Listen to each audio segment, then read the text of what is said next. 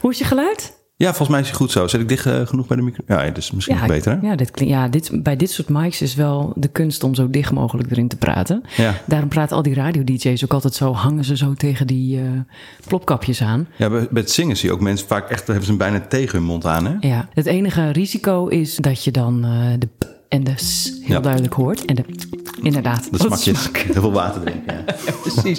We hebben geen water hè, hier. Nee, thee. thee. Maar dat, dat maakt droger, toch? Of niet thee?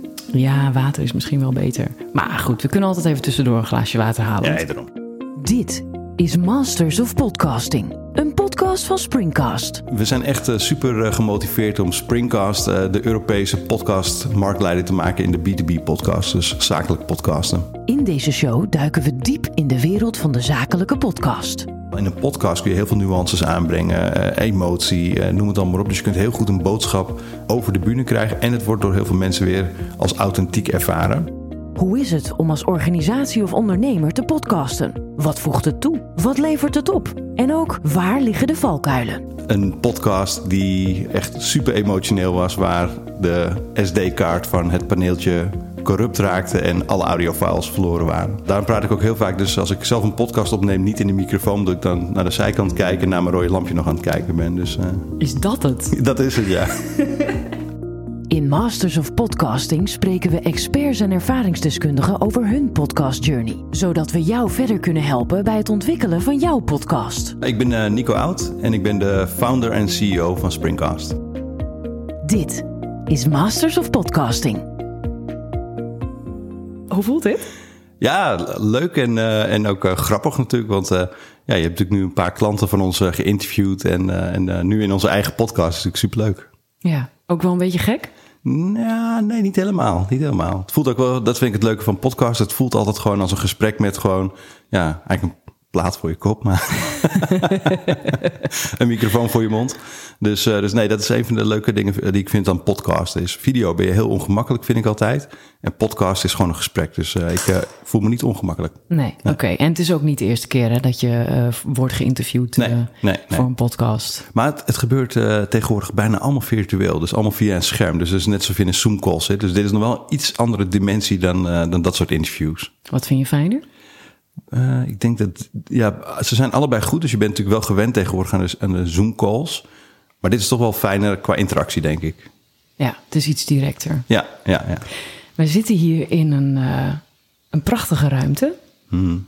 Kun je vertellen wat dit voor ruimte is? Ja, we zitten in, het, eh, in ons kantoor in eh, Oude Schoot. En dat is echt een heel mooi plekje, nou, eigenlijk onder de rook van Heerenveen. In een heel mooi oud karakteristiek eh, pand. Wat vroeger een, eh, een, eh, een laatste rusthuis was voor welgestelde dames van onbesproken gedrag. Maar super mooi statig pand aan de bossen van Oranjewoud, het park waar we aan vastzitten. Hoe lang zit jij hier al? Ik denk nu een jaar of vijf. Een jaar of vijf. Dus als coach heb ik hier, ben ik hier als eerste, ben ik als eerste hier gaan zitten. En later is Springcast hier gewoon ingegroeid. Wat betekent deze ruimte voor jou? Ja, kijk, ik, eh, ik doe het zelf heel goed in de natuur. Dus ik word heel rustig van de natuur. En ik ben heel druk in mijn hoofd. En ik ben heel druk in, eh, in mijn bedrijven en eh, wat er allemaal moet gebeuren. Dus, dus dit is ook een soort van rustpunt waar, waarbinnen ik zeg maar dan in een bubbel wel hard kan werken. Maar nou, als ik even een break wil, kan ik ook even naar buiten. Of nou, wat wij ook wel hebben gedaan, een veranda-sessie doen. We hebben een hele mooie veranda.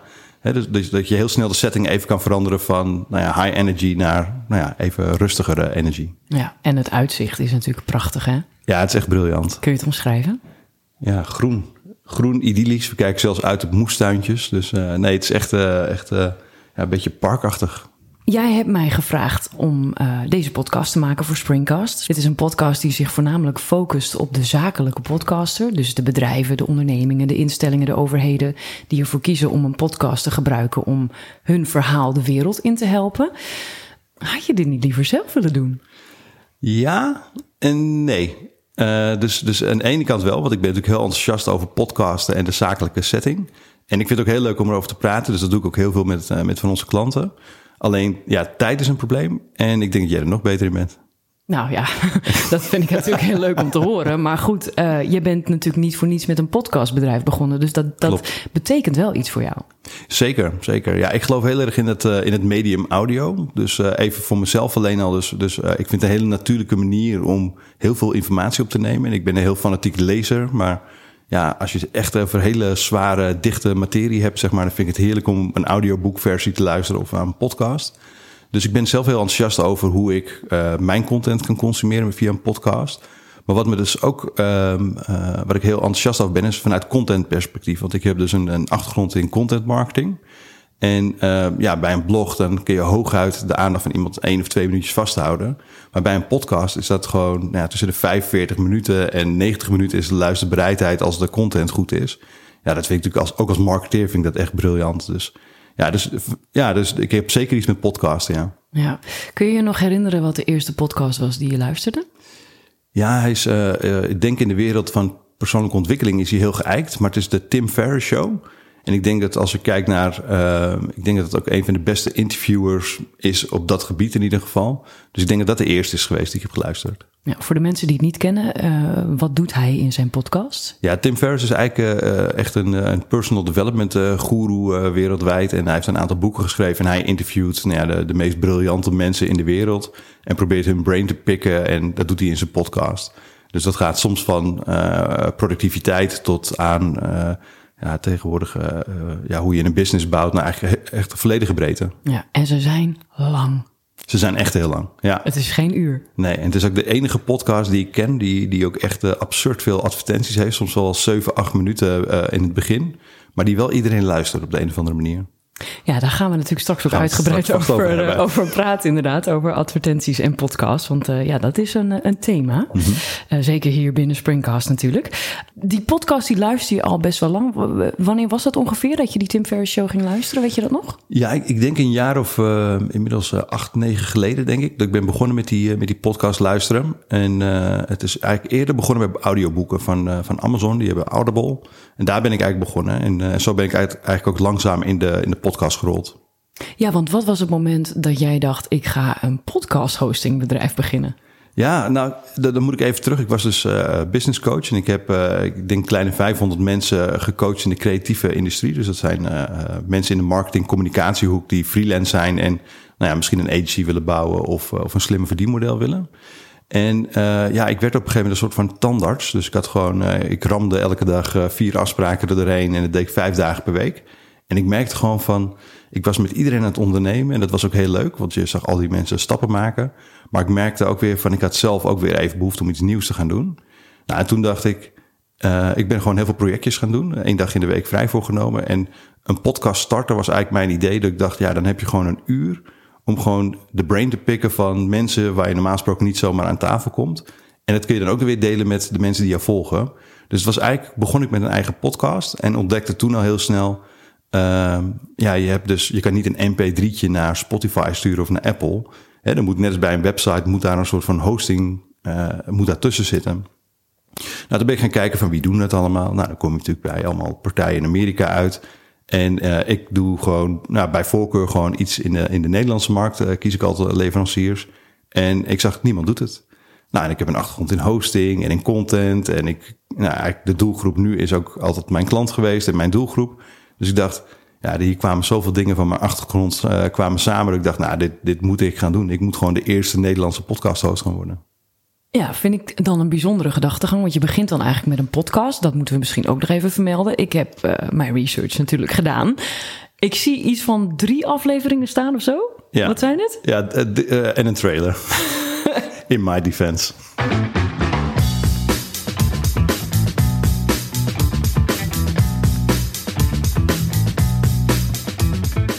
Welkom bij de Growth Minds podcast, de Nederlandse podcast op het gebied van persoonlijke ontwikkeling, succes en ondernemerschap. En in deze allereerste aflevering van de Growth Minds podcast gaan we het met Amanj Hamid hebben over zijn reis. Of beter gezegd, zijn vlucht vanuit Irak en hoe hij een compleet nieuw leven heeft opgebouwd in een land waar hij niemand kende. Dus je was zeg maar koud begonnen met podcasten. Ja. Je dacht, dit wordt het. Ik als fanatiek blogger, marketeer, dit is mijn nieuwe manier om mijn content naar buiten te brengen. Ja. En mijn verhaal te vertellen. Dan neem je er drie op. En dan? Wat is dan dat moment dat je denkt, ja, dat is leuk dat podcast, maar ik ga wat anders doen? Daar ben ik wel heel benieuwd naar, naar die gedachtegang van jou. Ja, dus, dus het, het begint natuurlijk bij, uh, uh, wat je ziet is wat denk ik heel veel mensen doen, is je begint een podcast en dan wil je gewoon voor de zekerheid wil je iets vooruitwerken. Dus wat je zag was natuurlijk, ik heb gewoon een paar episodes opgenomen voordat ik het ging distribueren naar Spotify of überhaupt ging uitzoeken hoe ik het ging verspreiden. Nou, toen ging ik dat doen. En toen, ja, wat ik noem, was de opportunity spark. Dus ik zag gewoon even een moment dat ik dacht van... wow, dit bestaat gewoon niet in Nederland. Uh, en, en ik geloof in podcasten als nou ja, een van de grootste ontwikkelingen in content marketing. Dus eigenlijk ging het best wel snel. En toen ben ik gaan kijken van nou, hoe goed hebben de Amerikaanse partijen het nu voor elkaar?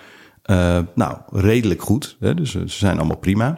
Maar wat er wel allemaal opviel was dat ze allemaal heel generalistisch was voor de Formule 1 uh, fanatiekelingen die het gewoon leuk vinden om te babbelen bij een podcast. Tot aan de grote enterprises zoals, nou ja, je kent ze wel, de, de echte grote merken.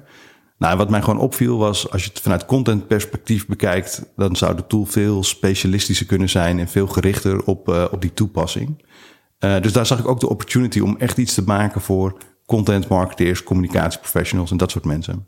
En putte je dan uit je ervaring als uh, internethost of als business coach of als marketeer? Wat was het lampje wat aanging in jouw brein? Nou, eigenlijk alle. Dat was ook waarom het zo'n grote opportunity was. En ik denk ook, ik heb echt in mijn leven zoveel bedrijfjes gebouwd waarvan nou ja, 90% heeft de wereld nooit gezien, want die hebben het niet gehaald. Uh, en mijn, mijn idee is altijd, ik steek er nooit geld in, maar vooral tijd in mijn bedrijf. En dit is het eerste bedrijf waar ik ook heb gedurfd om ook echt all in te gaan, zeg maar, met gewoon in, in geld investeren om dit bedrijf te bouwen. Maar dat kwam omdat alles kwam zo mooi samen. He, dus als business coach heb ik natuurlijk heel veel keukens mogen kijken als het gaat om een, een bedrijf bouwen. Uh, als het gaat om content marketing. Ja, ik zit zo diep in die wereld. Ik weet precies hoe al die mechanismes werken en waarom podcasts dus zo'n mooi medium zijn. Dus alles kwam hier samen. Dus ja, dan, dan hoef je er niet. Dan ben ik niet iemand die daar heel lang over na gaat denken. Dan probeer ik het. Uh, en dan heb ik gewoon allemaal milestones. En dan kijk ik gewoon van, nou, als we die halen, dan ga ik weer een stapje verder.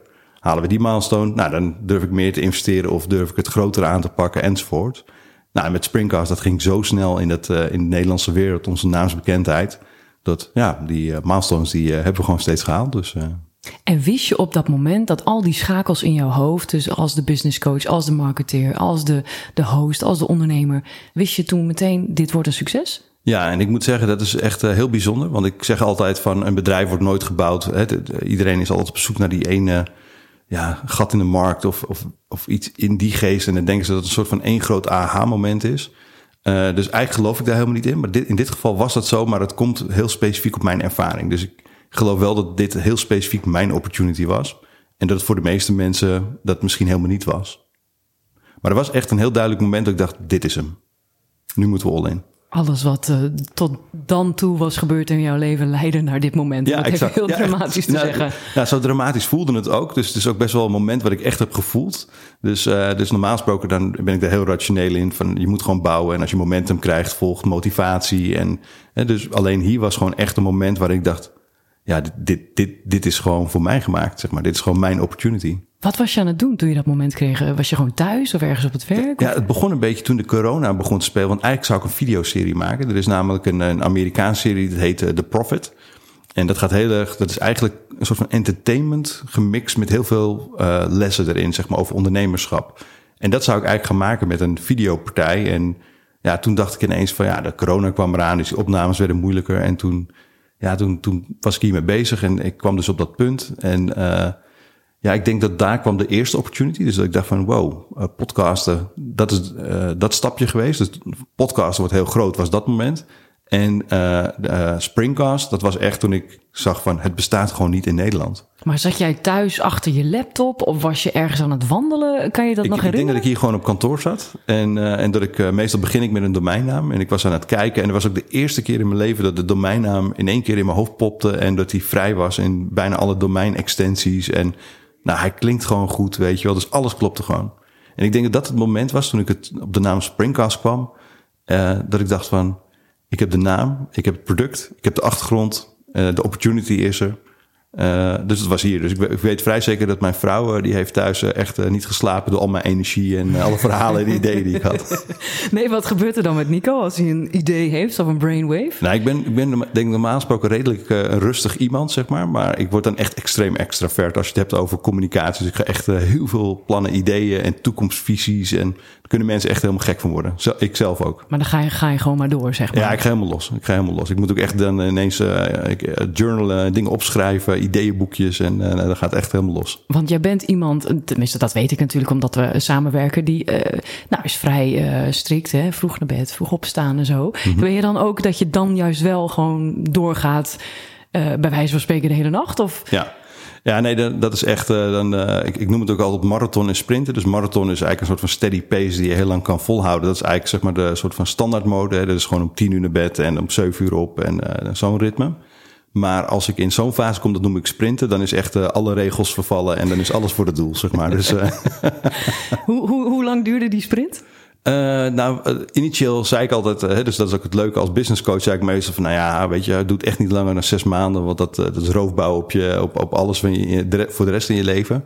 Maar ik denk dat we het twee jaar hebben gedaan, dus, dus dat is echt nou ja, keihard werken. maar het voordeel is dat Marjella, mijn vrouw, die heeft ook meegebouwd in dit bedrijf, zeg maar, we zijn dit samen gaan bouwen. En ja, dat, maar als je het samen doet, ja, dan, dan, dan kun je ook meer hebben, zeg maar. Dus we hebben het samen hebben echt twee jaar geknald, zeg maar wil ik straks ook nog eventjes op terugkomen. Hoe dat is om samen met je vrouw uh, samen te werken. En dan ook nog een, eh, een, een kindje hebben, een gezin. Uh, maar daar kom ik straks op. Want um, ik ben wel benieuwd hoe dat is gegaan, dat proces, die sprint van twee jaar. Want je hebt het idee, je hebt de naam, je hebt eigenlijk alle voorwaarden, alle, alle boxen die tikken aan, zeg maar. En dan ga je starten. Waar begin je dan? Ja, kijk, dat is één ding waar ik heel goed in ben. Dat is, daarom pas ik ook heel goed in die, in die startfase. Het is echt complete chaos er moet een website komen, je moet sales doen, je moet een product bedenken, je moet echt, je moet, je moet een bankrekening, echt, je hebt ongeveer een miljoen taken als je begint met een bedrijf ongeveer. En het grappige is, ik kan heel snel switchen tussen verschillende domeinen. En ik kan ze ook half, acht, half af laten even pauzeren. Om er later weer even op terug te komen. En ik accepteer ook heel makkelijk dat in het begin dat ik bijvoorbeeld dingen even niet kan doen of die wel zouden moeten. Dus uh, het is echt complete chaos. Dus ik voel me dan altijd een beetje een soort van octopus die gewoon acht taken tegelijk aan het poppen is en switch van sales naar product naar al die andere domeinen. En dan is het gewoon ja, echt ja, gewoon beuken eigenlijk. Gewoon heel veel, heel veel doen, zeg maar. En moet alles dan ook meteen goed zijn? Of ben jij juist het type ondernemer die zegt nee, je moet gewoon beginnen en uh, gaandeweg gaan bouwen? Ja, ik ben van um, op sommige domeinen moet je denk ik gewoon gaan en gaan beginnen. Maar er zijn wel bepaalde dingen waar het echt meteen kwalitatief goed moet, zeg maar. Dus als je het hebt over content. Ik ben van content, ben ik van mening van... daar kun je het verschil maken door hele goede content te maken. Dus mijn eerste blogpost, daar heb ik misschien wel 40 uur aan besteed. Wat natuurlijk bizar veel is als je een miljoen taken hebt... om dat aan één stuk content te doen. Maar ik weet dat het in de long run zorgt dat voor, nou ja, dat, dat ik dan op een gegeven moment weer rustiger aan kan doen. Omdat we ineens oh, nummer 1 staan in Google. Nou, dat zorgt ervoor dat er weer meer klanten en leads binnenkomen. Dus dat ik daar weer minder. Hè, dus ik zorg wel dat er een soort van balans is tussen lange termijn en korte termijn. Je hebt wel je prio's. Ja, lange termijn dingen, daar investeer ik meteen goed. Het is heel hard gegaan. En je zegt dat was een sprint van twee jaar. En in die twee jaar is er ontzettend veel gebeurd. Het is een totale chaos. Je bent als octopus bezig. Hoe kwam het dan dat het uh, vanaf het begin af aan zo duidelijk was? Dat Springcast zo bekend was eigenlijk? Ja, wat, wat denk ik het mooie ervan was. En dat is ook weer iets wat ik dan bijvoorbeeld uh, echt... Ik denk voordat ik Springcast startte, net een half jaar geleden daarvoor... heb ik het gelezen in, in mijn zomervakantie geloof ik. Het boek van uh, Instagram. En uh, daaruit bleek dat Instagram zo groot was geworden omdat ze community hadden gebouwd. En toen we Springcast startten, dacht ik, ja, dit is gaaf. Want ook Spring, hè, er zijn heel veel podcastmakers. Er is een hele compacte, overzichtelijke community die allemaal met elkaar praten. Dus wij moeten gewoon in die community komen. Dus we zijn gaan connecten met uh, podcast producers, uh, bekende podcasters. En wat je merkt is, omdat we iedereen aan het bellen waren en aan het berichten waren, ja, ontstond er gewoon een soort van naamsbekendheid heel snel in het wereldje van hé, hey, er is nu een Nederlandse partij en ja, iedereen begon zijn podcast over te zetten. Of in ieder geval met ons te contacten. En werden dan later klant. Dus het ging eigenlijk heel snel omdat we in die community kwamen. Maar hoe kwam je in die community? Kende je die mensen? Of heb je gewoon gegoogeld? Hoe heb je dat aangepakt? Ja, Google, LinkedIn. Um, ik denk dat, uh, ondanks dat ik contentmakers heel goed kende...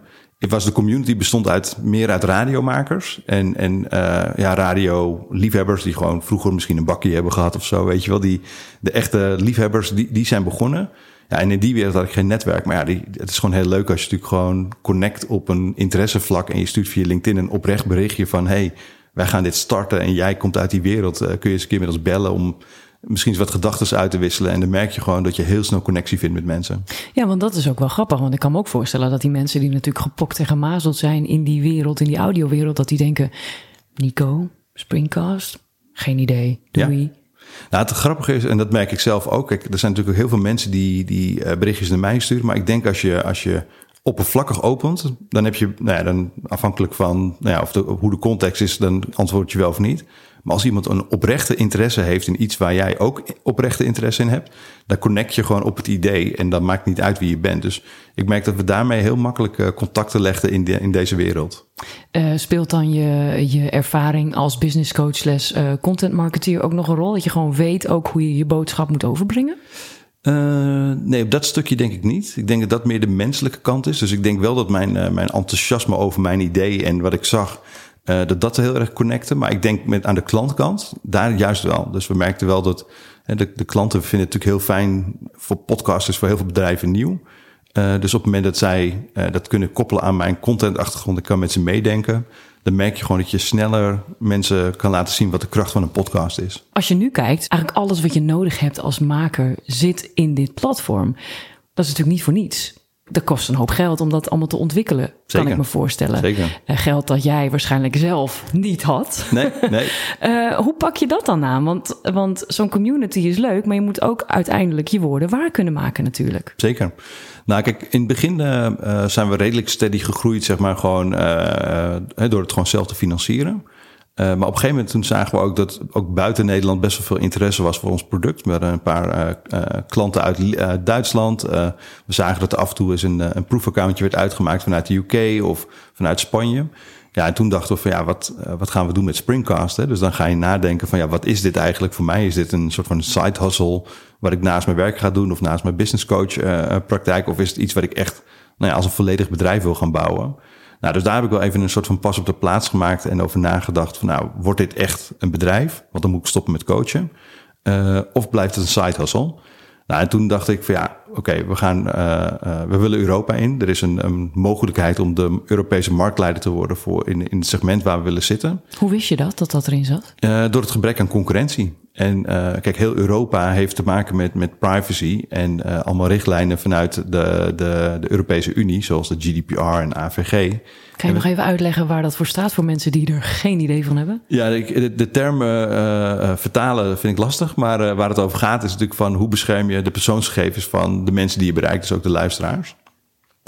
En wat, ons, wat me daar opviel was dat, dat, dat er staat dat je alle persoonsgegevens en gevoelige data moet opslaan in Europa bij Europese bedrijven. Nou, toen ben ik gaan kijken naar de concurrentie en die doen het allemaal niet dus daarmee zag ik van, nou, er is één iemand in, in Europa die deze specifieke propositie heeft. Dus nou ja, dat, dat betekent, dan heb je de kans om de Europese marktleider te gaan worden. Nou, dat is een once in a lifetime opportunity. En, uh, weer zo'n aha-moment. Weer zo'n aha-moment.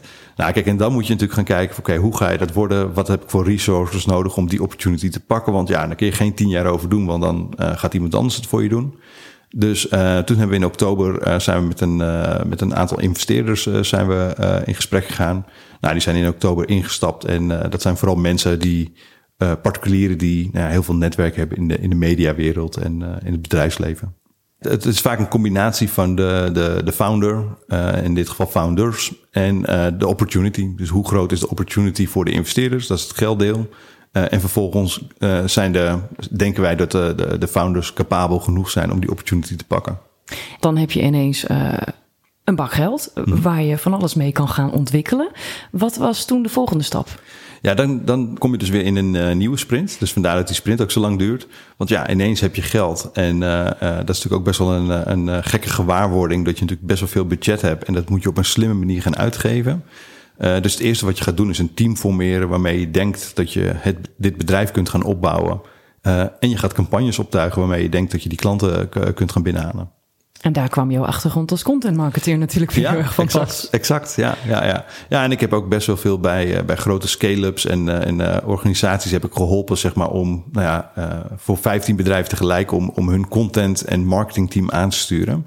dat deed ik dan vaak als freelancer, stuur ik voor 15 bedrijven dat soort dingen aan. Dus ook het aansturen op performance, op data, eh, het kiezen van de juiste kanalen. Dat heb ik allemaal gedaan voor 15 bedrijven. Dus ja, eigenlijk ook hier weer kwam alles eh, heel goed samen inderdaad. Ja, en dat is dan een beetje de achtergrond. Maar wat betekent het concreet voor de mensen die klant waren bij Springcast? Wat kon er ineens meer door die investering? Nou, we konden natuurlijk veel meer investeren ook in het product. Dus, uh, dus waar ook meer tijd. Hè? Dus waar we eerst natuurlijk vooral bezig waren met, met nou ja, rustig doseren van, van nieuwe features. Uh, nou ja, we gewoon meer kunnen investeren nou ja, in het fundament, maar ook gewoon echt in, in nieuwe functies die gewoon bijdragen aan nou, het succes van onze klanten als het ware. Zoals? Nou, kijk, de, degene die ik het mooist vind is de, de Springs. Dus dat is eigenlijk een manier om vanuit een audiofragment een, uh, van een minuut kun je omzetten in een video. Uh, en dat kun je met wat kleurtjes en zo kun je dat mooi aanpassen naar je brand. En dat vind ik gewoon iets heel moois, omdat ik geloof dat podcast staat niet op zichzelf. Hè, dat moet echt gewoon goed passen in, in de marketingmix. En ik denk dat uh, met, die, met die Springs uh, kun je dus eigenlijk video erbij pakken. Dus dan maak je van je podcast video. Uh, en dan krijg je dus allemaal mooie linkjes over en weer. En ik denk dat dat gewoon heel sterk is. En dat gaan we in de toekomst nog veel meer doen. Ja, wat kunnen we daar nog van verwachten dan? Ja, dat zijn dan weer de, de secrets. Hè? Nee, ik, kijk, een, van de dingen die heel hoog op het lijstje staat, uh, is, is om bijvoorbeeld ook een integratie te maken met YouTube. Ja, natuurlijk, uh, de meeste podcasts worden ook wel in, in videoformat gemaakt. In ieder geval als je het hebt over de, de, de interviews of de, ja, zoals ik ze vaak noem, de babbel podcast. video is best wel steeds vaker een onderdeel van de podcast. Dus dus uh, ja, ik, ik, denk een YouTube-integratie is bijvoorbeeld heel interessant als je daarover hebt. We zijn inmiddels twee, tweeënhalf jaar verder sinds dat mo eerste moment dat je dacht: dit is iets. Uh, zit je in marathonmodus of ben je nog steeds aan het sprinten? Uh, ik denk dat we nu zeg maar iets meer in de marathonmodus komen. Maar dat wel redelijk snel weer naar de sprintmodus gaat. Alleen het, het grote verschil is dat ik het niet meer alleen hoef te doen, zeg maar. Of met, met, we waren natuurlijk in het begin met een klein team. Uh, en wat je nu ziet is, we krijgen nu op bepaalde posities krijgen we gewoon goede mensen die veel ervaring hebben. Uh, en dat maakt de sprint wel anders. Het wordt wel hard werken uh, en, en, nog steeds waarschijnlijk in een octopus-modus.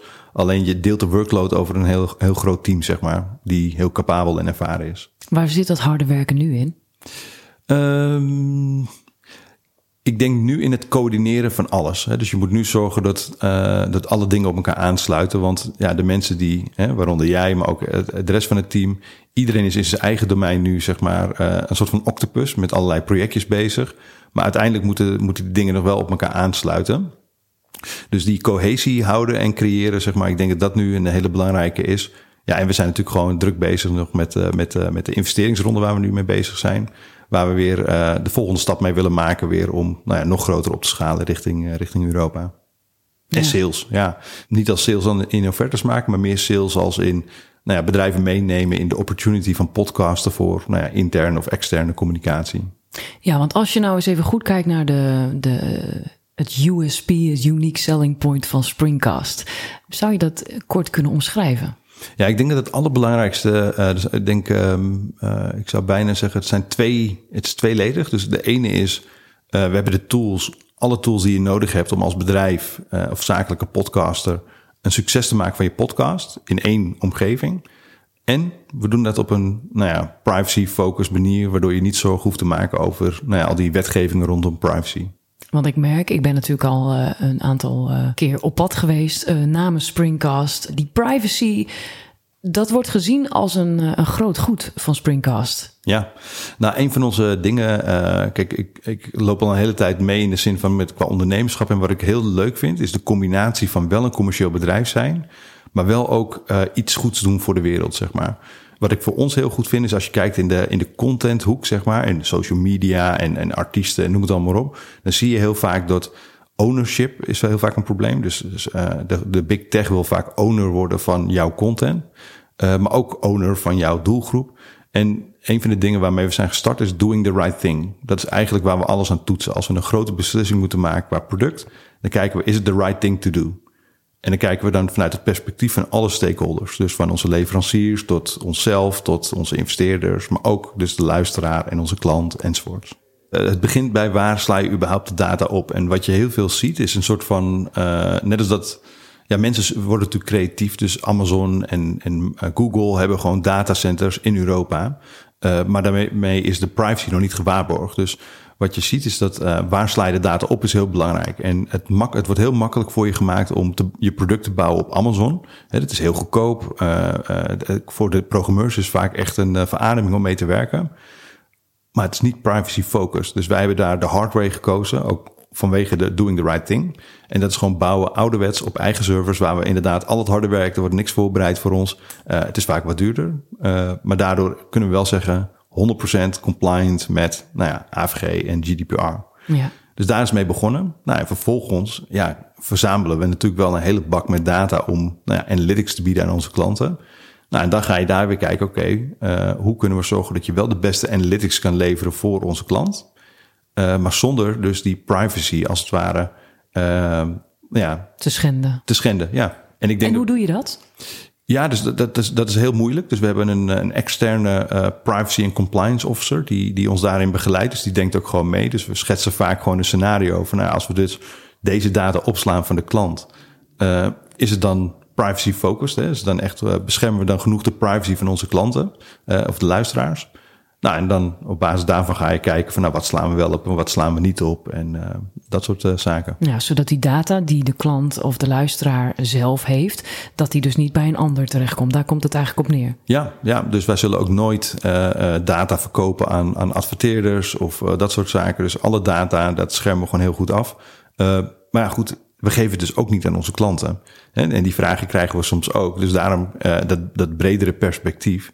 Van stel dat een grote klant aan ons vraagt van ik wil wel graag persoonsgegevens hebben. Ja, dan is dat gewoon niet onze ideale klant. Want wij zeggen gewoon, nou, daar trekken wij de streep. Dan is het ook gewoon eindoefening? Nou ja, we proberen natuurlijk altijd uit te komen. Maar uh, kijk, uiteindelijk denken wij dat we een analytics suite hebben gebouwd... waarmee uh, nou ja, echt alle data die je nodig hebt als content marketeer, die heb je. Maar je kunt het nooit terug herleiden naar personen.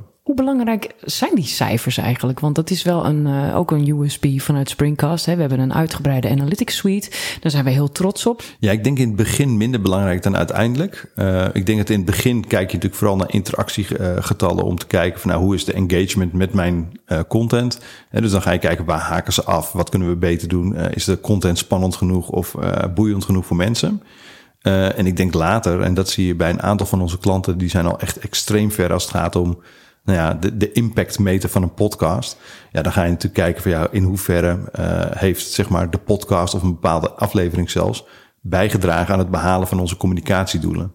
Nou, op dat niveau, kijk, dan wordt natuurlijk analytics echt extreem belangrijk. Kun je uitleggen hoe waardevol een podcast kan zijn voor een onderneming?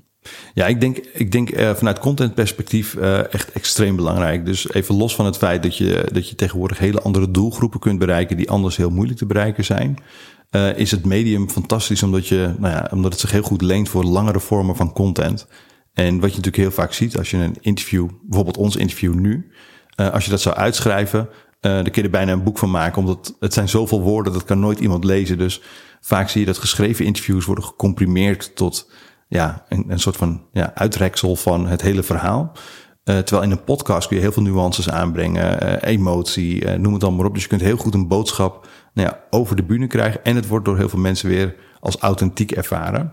Dus ik denk dat die combinatie van het medium en, hoe de, en de bereidheid om die content te consumeren, dat die echt super waardevol is voor, voor organisaties. Zou elke organisatie daarom moeten podcasten? Ja, ik vind het per definitie van wel. Maar even los van, van. Kijk, ik denk dat het super slim is, omdat uh, uh, je kunt tegenwoordig niet meer leunen op één vorm van content. Dus je wil eigenlijk zo breed mogelijk wil je gewoon uh, dat gaan doen. En ik vind gewoon podcast, het is laagdrempelig. De meeste mensen zijn wel comfortabel achter een microfoon, maar wat minder voor video. video wordt ook wat vaker gezien als niet authentiek, omdat nou ja, je bent heel bewust van jezelf als de camera aangaat, de meeste mensen. Ehm, en ik denk dat er geen medium uh, op de wereld op dit moment is. Waarbij je dus de luisterbereidheid hebt van tussen de 45 en 90 minuten. Die zo schaalbaar is als podcast. Dus eigenlijk ja. Ja, als ik het heel kort zou mogen. Ja. Mand. maar ja, er zijn natuurlijk duizend verschillende manieren om een podcast vorm te geven. Ja, twintig hebben wij in een whitepaper, toch? Ja, klopt. Ja. De ideale vorm bestaat denk ik niet, hè? Nee, dat, ik denk ook dat... Uh, uh, kijk, ik denk dat je in, dit, deze fase van deze vorm van content, zeg maar... podcast is in de zakelijk perspectief is het redelijk nieuw... Uh, dat, dat je moet laten inspireren, maar niet laten leiden nog door wat er al bestaat. Dus het leent zich heel goed nu om te experimenteren en, en juist uit te vinden van wat werkt heel goed. Uh, maar goed, je ziet inmiddels wel een aantal podcasts waar je van kunt zeggen, nou die zijn succesvol. Uh, en dat kun je terug herleiden naar bijvoorbeeld het format of de manier van maken. Maar ik denk echt dat we nog lang niet alles hebben bedacht van wat je ermee kunt. Dus, uh... Kun je een paar voorbeelden noemen van podcasts die je zelf heel goed vindt? Nou, bijvoorbeeld een van de podcasts die natuurlijk bij ons gehost is. Dus daarom ook een leuk voorbeeld, maar extra leuk voorbeeld. Maar de dienst van de AIVD. Nou, dat is natuurlijk een podcast waarin je wordt meegenomen in hoe, de, hoe het is om te werken voor de geheime dienst van Nederland. Nou, dat hebben ze zo mooi. het is geen interviewstijl, maar ze behandelen als het ware een case door die afleveringen heen ja, daar word je natuurlijk helemaal in meegenomen. En ik denk dat zo'n format als jouw uh, type content of de informatie daarvoor leent, ja, is dat natuurlijk een fantastische manier om mensen echt hoek te maken. Want het, je volgt het gewoon alsof je een Netflix-serie kijkt of een spannend boek leest op het strand zo. Dus ik denk dat dat is een format, ja, als je, als je het je kunt permitteren en het past bij jouw type informatie, ja, dan, dan, dan is dat uh, echt een heel mooi, uh, heel mooi format. Maar als elke organisatie of elk bedrijf of elke overheidsinstantie zou gaan podcasten, raakt die markt dan niet heel erg verzadigd? Nee, dat, dat uh, is een, een, terechte vraag die, die ik mezelf natuurlijk ook steeds blijf stellen. Alleen als je kijkt naar uh, bijvoorbeeld blogs, uh, daar is hetzelfde. Elke organisatie heeft tegenwoordig een blog of een kennisbank of een nieuwsbank of iets, noem het maar. Um, en je ziet dat er altijd gewoon behoefte is aan informatie. Maar niet, misschien niet voor de massa, want ja, je kunt maar zoveel podcasts volgen, maar op het juiste moment uh, kan jouw informatie ineens heel relevant zijn. En dat maakt niet uit of er tien of duizend zijn in hetzelfde gebied, zeg maar. Vandaag gaan we het hebben over je journey. We gaan het hebben over hoe je een nieuw leven startte hier in Nederland. En hoe je ontwikkelde tot een hele succesvolle ondernemer. Ja, nou Mantje, ik wil, um, uh, want we gaan het vandaag vooral hebben over de persoonlijke ontwikkeling die je hebt doorgemaakt. Maar waar ik eerst uh, even bij stil wil staan is hoe jouw jeugd was mm -hmm. en, en wat voor jongen je was eigenlijk in, uh, in Irak. Ja, ik, uh, ik denk dat ik als uh, jonge jongen best nieuwsgierig was. Ik was heel nieuwsgierig in, uh, in alles. ik kon urenlang naar verschillende dingen kijken en bezig zijn. Ik wilde graag nieuwe dingen leren. Ik was niet de beste. Sterker nog, als ik iets nieuws ging beginnen, was ik misschien gemiddeld of ondergemiddeld. Maar door mijn manier van omgaan en repetitie werd ik vaak beter dan de rest. Ik wil eventjes met jou terug naar uh, het begin van Nico, Nico Oud, als, als kleine jongen. Zat dat ondernemen altijd al in jouw bloed? Ja, echt honderdduizend procent. Ik heb echt, uh, mijn, mijn, broertje die heeft gewoon nog schulden bij mij omdat ik mijn pennen uitleende aan hem. Ik had gewoon een kantoortje met een, uh, met een kas. En hij mocht pe pennen lenen en dan moest hij daarvoor betalen. Zeg maar. dus, ik krijg nog een hoop rente van. Nee, ik ben echt vanaf kinds af aan speel ik kantoortje. Zo noemde ik het toen, zeg maar. En ja, ik ben heel ondernemend altijd geweest. Dus dat ging soms de goede kant op, soms niet de goede kant op. Dus mijn broertje in de schulden werken, zeg maar. Dat is natuurlijk, dat is natuurlijk niet goed. Dus die schulden, die hebben mijn ouders kwijtgescholden namens mij. Maar mm -hmm. nee, het is, ik ben echt altijd heel ondernemend geweest. Van, van t-shirts verkopen tot, ik, ben, ik ben altijd met ondernemen bezig geweest. Maar, maar zat dat in de familie? waren je ouders ondernemers of je, je grootouders? Of... Ja, mijn vader heeft het wel in zich. Dus die, die had in ieder geval altijd ideeën, maar is eigenlijk, uh, heeft wel een rijschool gehad, maar is, is heel kort ondernemend geweest. En is, daarna heeft hij gewoon carrière gemaakt in, uh, in loondienst. Uh, maar eigenlijk niet in de familie, nee. Dus ik ben een beetje in die zin een soort van vreemde eend in de bijt, denk ik. Hmm. Mijn broertje heeft, mijn middelste broertje heeft ook al wat meer, maar mijn jongste broertje bijvoorbeeld weer helemaal niet. Dus... En, en wat was dan de trigger, zeg maar, waardoor je dat zo leuk vond? Was het het verkopende aspect? Was het het geld? Uh, uh, de hustle? Hoe, wat was het? Ja, ik denk een combinatie. Dus ik denk dat de, de, de hustle zit denk ik standaard in mij. Dit is gewoon iets wat een, een karaktereigenschap is. Maar ik denk dat ik ben gewoon een ideeënmens, zeg maar. En, en ja, soms zijn het ook wel gekke ideeën die wel ergens toe kunnen leiden. En ik denk dat ik gewoon...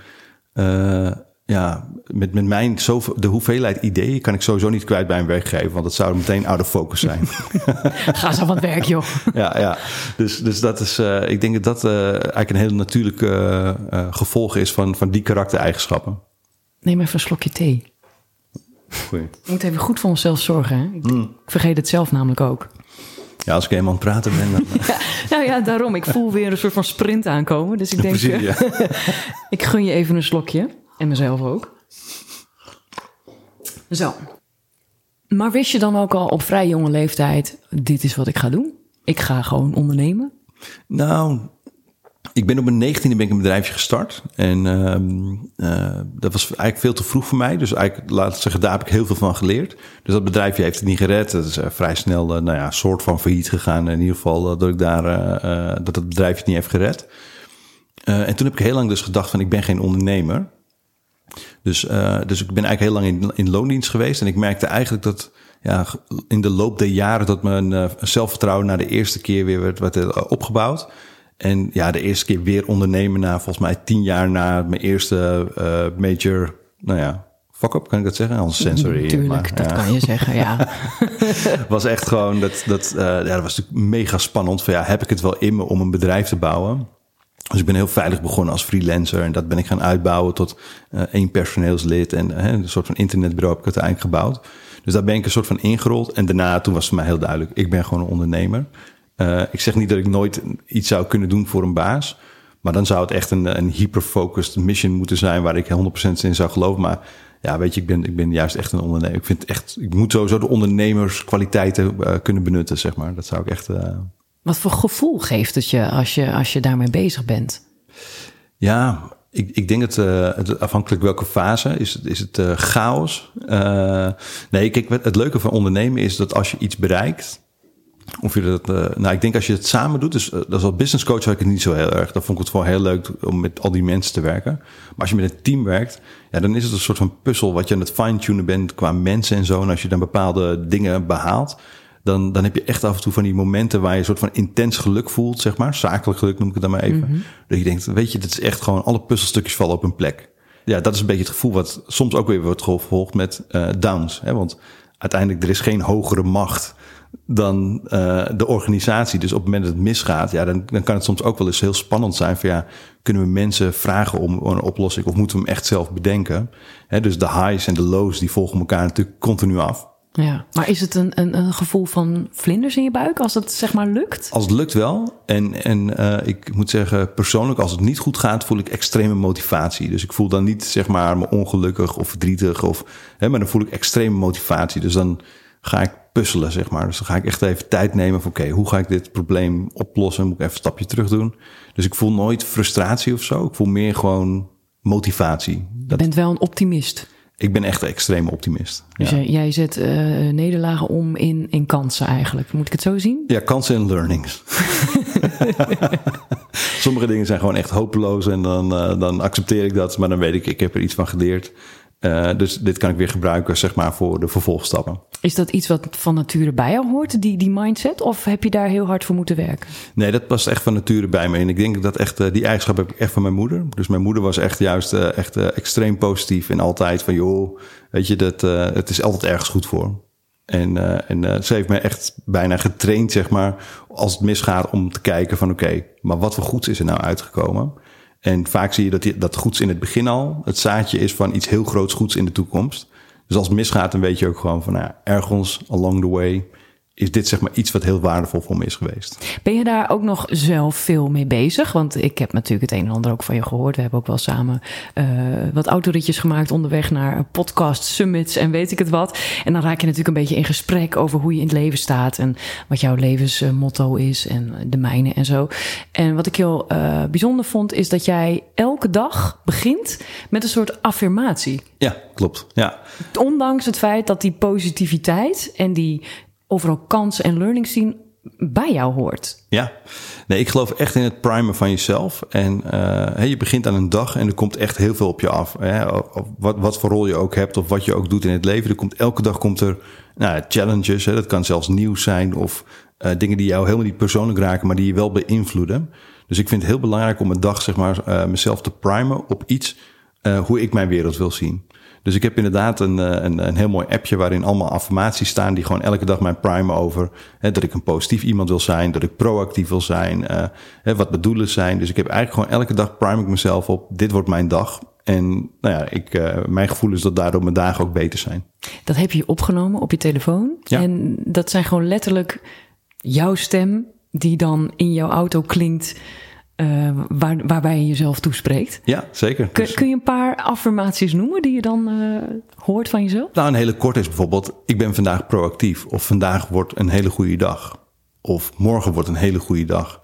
Uh, dus dat zijn hele korte affirmaties. Maar ik heb bijvoorbeeld ook affirmaties over hoe ik bijvoorbeeld in mijn gezinsleven wil staan.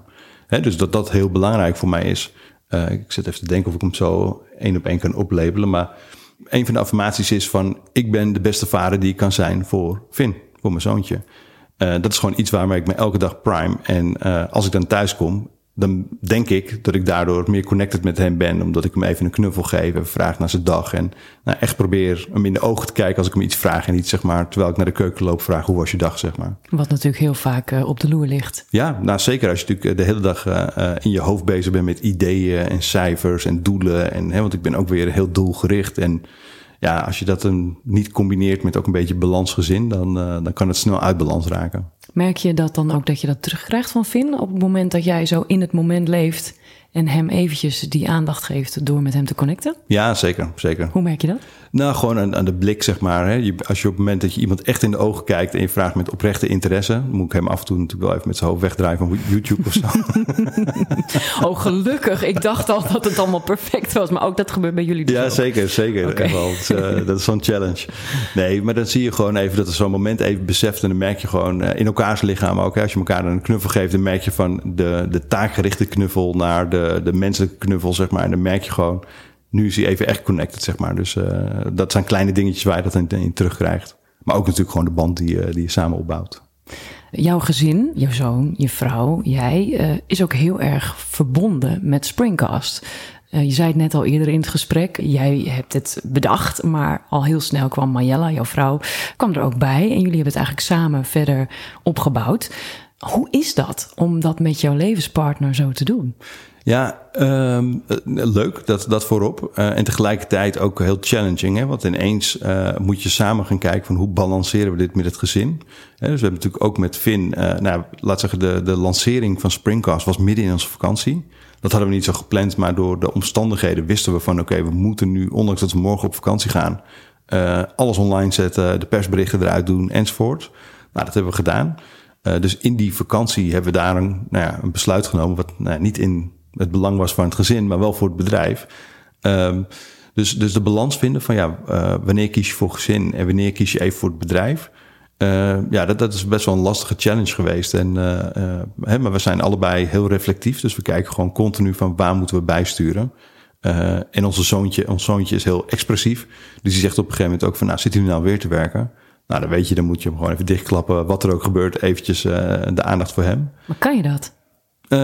ja, in ieder geval een van ons twee op dat moment. Ik wou net zeggen, ik zie een kleine aarzeling.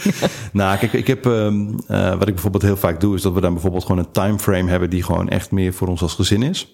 Uh, en s'avonds als hij naar bed gaat, zeg maar, hij slaapt net als dat wij vroeg naar bed gaan, gaat hij ook vroeg naar bed, dus rond een uur of acht. Dus tussen acht en negen klap ik vaak mijn laptop open en dan doe ik nog even wat dingetjes. Dus zo kun je toch, zeg maar, uh, de extra maal maken, om het zo maar even te zeggen. En toch nog voor je gezin in ieder geval. Voor, hij merkt er dan niet zo heel veel van. Nee, maar dat is je kind. Uh, dan je vrouw. Uh, jullie zijn natuurlijk bij elkaar gekomen vanuit een, vanuit een liefdesrelatie. Uh, maar ineens ben je ook zakenpartners. heb je het ook heel veel over werk. Dat hoort natuurlijk ook bij het partnerschap. Want je deelt natuurlijk je ervaringen op je werk. Maar ineens werk je samen. Heb je misschien ook wel eens discussies over wat de een vindt en wat de ander vindt. Hoe zorg je dan voor die balans van zakelijke Nico en Mariella en privé Nico en Mariella? Nou, de hoe is inderdaad uh, door heel reflectief te zijn en dingen te bespreken. Uh, maar ja, zeker zijn er discussies, want uh, we zijn hele andere personen waar Marjella meer is van de puntjes op de i. Ben ik natuurlijk van de snelheid en, en momentum creëren. En ja, dat, die twee leveren ook met collega's frictie op. Hè? Dus kijk, ik bedenk het en vaak sneller dan dat mensen het kunnen bouwen. Dus ja, die frictie ontstaat ook met collega's natuurlijk. En als je partners bent, is die filter natuurlijk van hoe je met elkaar communiceert natuurlijk anders dan wanneer je dat met een collega doet. Je zegt meer tegen je partner dan tegen je collega. Denk ja, dat laat zeggen, er zit meer vuur in. En we zijn allebei wel redelijke mensen die ergens voor strijden. Dus zo'n zo'n discussie kan best wel heftig zijn, zeg maar. Uh, maar dat is bij ons altijd heel erg op de topic gericht, zeg maar. Dus nooit op de mens. Dus ja, dat betekent gewoon, soms dan accepteren we gewoon van, nou ja, weet je, dit is jouw domein, dus doe gewoon hoe jij denkt dat je het moet doen. We agree to disagree. Juist, juist, juist. Dus ja, het is gewoon iets waar je continu mee bezig bent. En uh, ook van ja, hoe in, hè, moeten we ook op een gegeven moment meer over andere dingen gaan praten. En soms accepteer je even, ja, in deze fase ja, is gewoon het bedrijf gewoon even het belangrijkste. Dus dan praten we daar gewoon heel veel over. Maar ja, soms dan zijn we er ook wel eens klaar mee. Zo, nou, nou even niet over het werk. Mm -hmm. Weet je wel, dan ja. Zo gaat het. Heb je een tip voor, voor partners die samenwerken? Ja, kijk, ik denk dat je het, het allerbelangrijkste is dat je continu met elkaar levelt, zeg maar. Van, uh, je, moet, je hebt heel veel mensen die zeggen niks tegen elkaar of ze worden meteen boos. Uh, maar ik denk dat je inderdaad met elkaar moet levelen van oké, okay, we hebben nu een situatie die niet wenselijk is. Hoe gaan we dit oplossen? Wie doet de water bij de wijn? Of doen we het allebei? Concessies doen en blijven communiceren. Heel veel, heel veel concessies doen.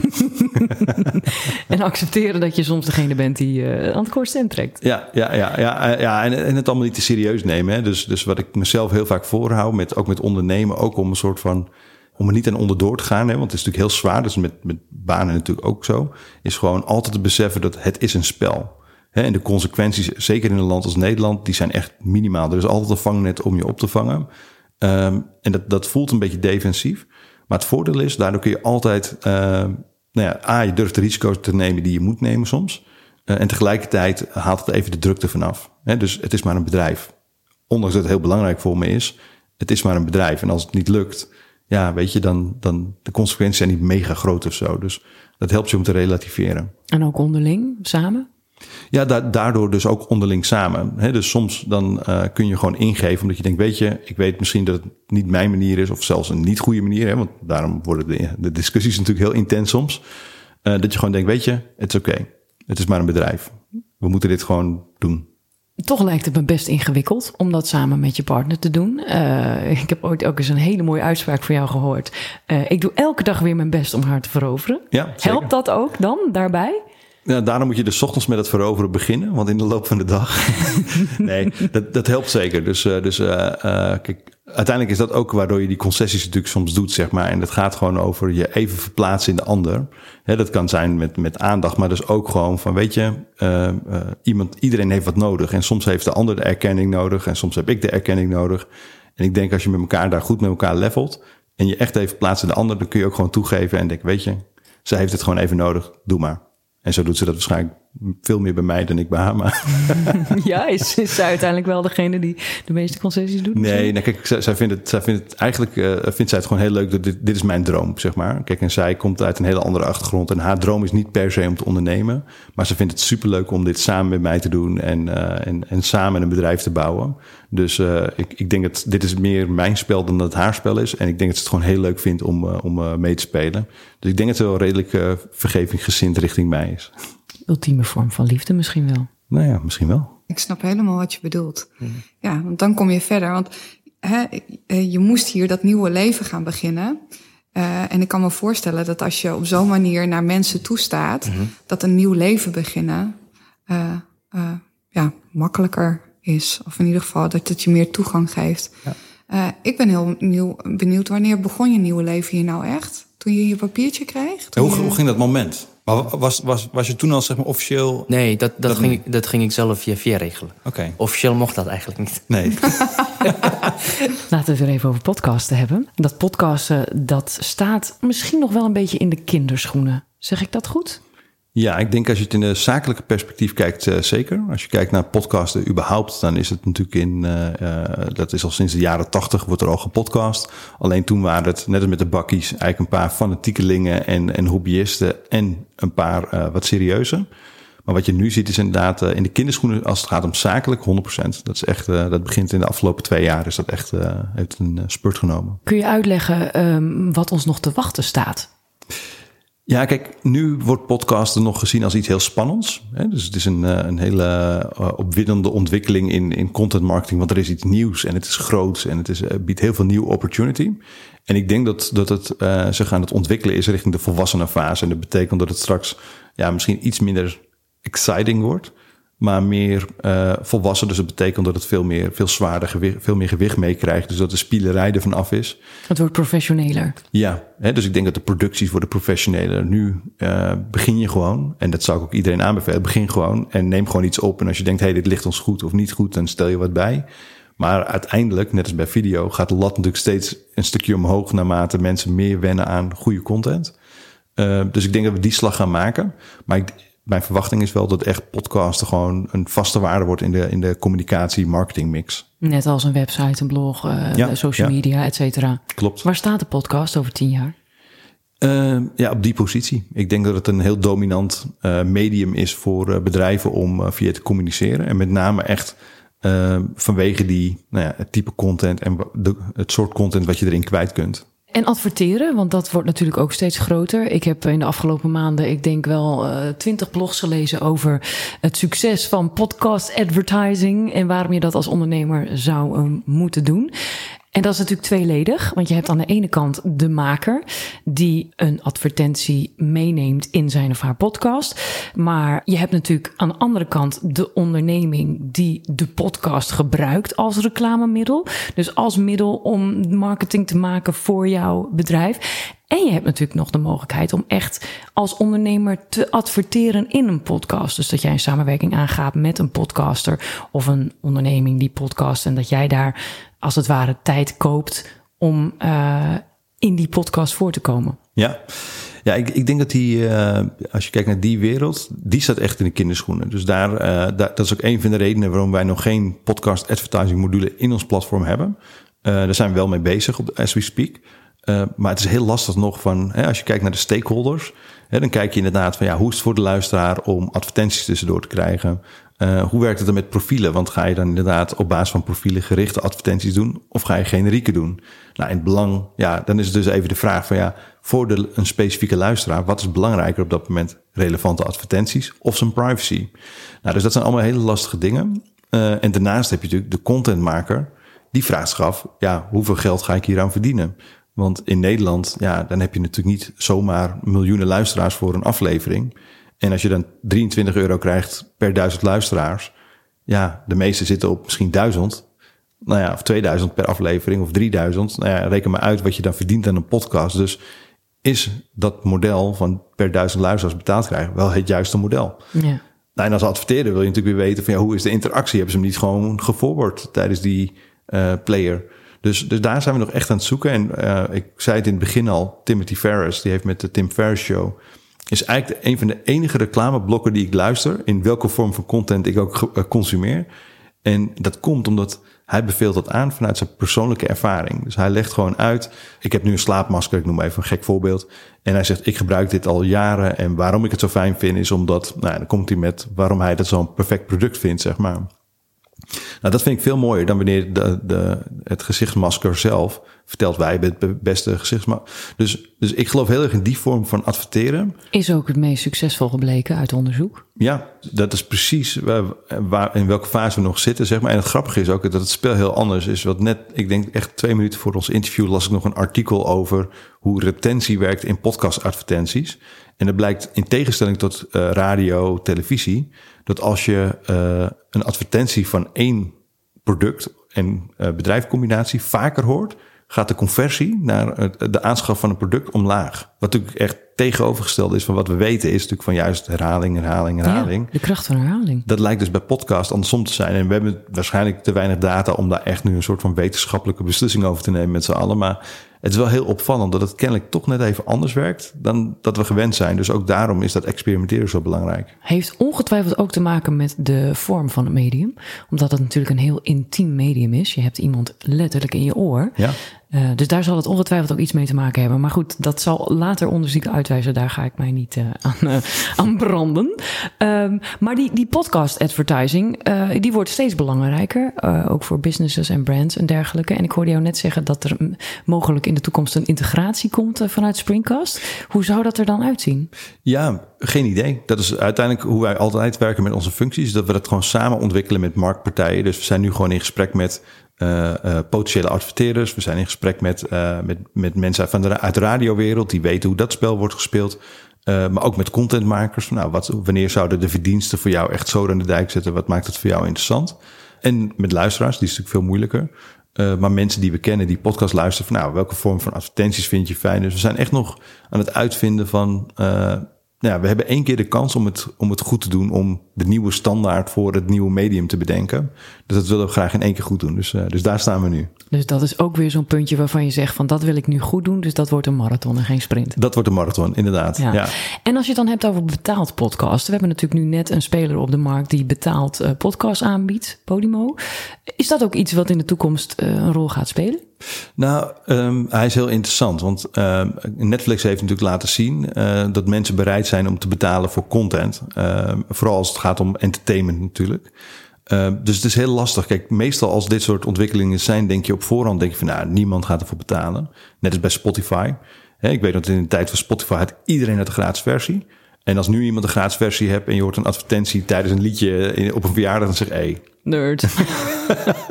Kom op man, betaal even die 10 euro, weet je wel. Dat is echt, uh, nu, nu verveel je ons met advertenties. Dus het kan, het kan zomaar zijn dat straks gewoon default uh, mensen gewoon wennen aan een subscription voor een, een Podimo en daarmee ja, bereid zijn om te luisteren voor content.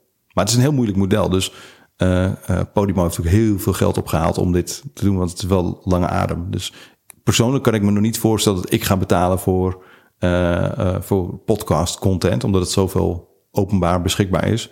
En aan de andere kant, dat dacht ik ook van uh, Netflix en Spotify. Dus ja, en ik, ik denk wel dat inderdaad, als je het nu hebt over als, als brand adverteren in podcast, denk ik wel dat dit echt een grote opportunity is.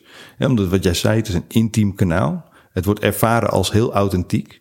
Iedereen luistert tegenwoordig. Hè? Dus de, de, de luistergraad gewoon is echt huge in, in Nederland. Dus het is wel een hele grote opportunity en dus nu nog relatief betaalbaar, omdat, nou ja, het is nog niet zo groot dat, dat er al hele grote bedragen worden gevraagd. Dus het is in die zin wel echt een hele grote opportunity om daarmee te experimenteren, ook weer als ja, mogelijk kanaal om je doelgroep te bereiken. The time to start podcasting is now. Zo voelt het wel, ja. Ik wil je heel erg bedanken voor je openheid en uh, dit mooie gesprek. Ja, graag gedaan. Superleuk om, uh, om met jou ook over te praten. ja, is weer even wat anders hè, dan ja, aan de zeker. lunchtafel. Ja, zeker. Ja. Leuk. En het rode lampje brandt nog steeds? Ja, het ziet er allemaal heel goed uit. Ik uh, voel de spanning van mijn schouders uh, vallen. Goed zo. En ik zie je natuurlijk gewoon morgen weer. Ja, heel goed. Dankjewel. All right. Je luisterde naar Masters of Podcasting, een podcast van Springcast. In de volgende aflevering. Ik ben Pascal van Wessel, ik ben redacteur bij de provincie Noord-Holland. Ik ben Melanie Sierse, redacteur bij de provincie Noord-Holland. En onze podcast heet Jouw Noord-Holland. Jouw Noord-Holland. Even kennis maken. Als je het op een leuke manier uh, benadert. En het uh, geeft de mogelijkheid om meer met inwoners in contact te komen. En ik denk dat dat ook heel erg belangrijk is als overheidsinstelling. Je kan niet, uh, als je nu denkt, oh ik heb een leuk idee dat het volgende week, ja het kan wel. Maar ik denk niet dat je dan de gewenste kwaliteit krijgt. Het wiel uitvinden, dat, ja voor iets waar je eigenlijk geen verstand van hebt, dat moet je niet willen. Dan moet je gewoon professionals wel inhuren. Luister ook mee naar Masters of Podcasting. Elke dinsdag een nieuwe aflevering in jouw favoriete podcast-app.